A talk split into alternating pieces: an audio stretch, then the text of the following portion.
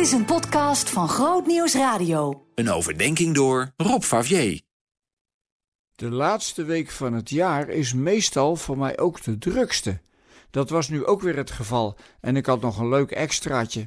Bij de rit naar de eerste dienst van die week zei mijn auto op de rondweg bij Dordrecht, 20 kilometer van huis: Bekijk het maar verder, ik stop ermee.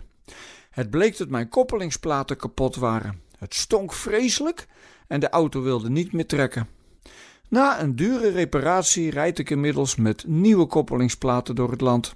En ik moest er ook aan denken hoe belangrijk het is dat je goede verbinding maakt met waar je energie en vermogen naartoe moeten. Ik ben een volkomen leek op het gebied van auto's en ik heb eens even opgezocht wat een koppelingsplaat doet. Hij legt de verbinding tussen de motor en de versnellingsbak.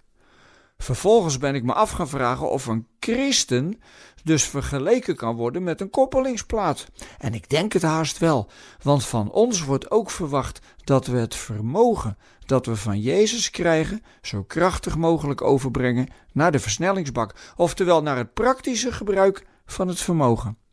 Als christen moet je erop letten dat je zorgt dat er een goede verbinding is tussen die twee.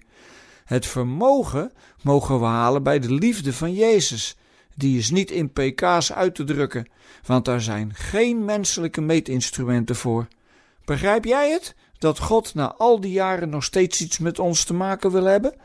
Elke keer wil Hij opnieuw met ons beginnen. Dat is echt niet menselijk, dat is goddelijk. Dus we mogen elke dag genieten van Zijn liefde en vergeving. Maar hoe breng je dat nu over op de praktijk van het harde, leven? Want dan moet je die liefde vorm gaan geven en dat kan verdraaid lastig zijn. Daarom heb je in een auto ook een versnellingsbak. Dan kun je met verschillende krachten ook verschillende resultaten bereiken. En iemand die fijngevoelig in zijn geloof staat, zal dat ook proberen.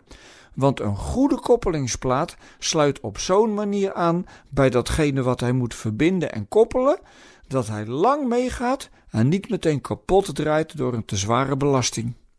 Als je in de Bijbel leest hoe nauw de koppeling is tussen Jezus en zijn discipelen, dan zie je hoe belangrijk koppelingsplaten zijn.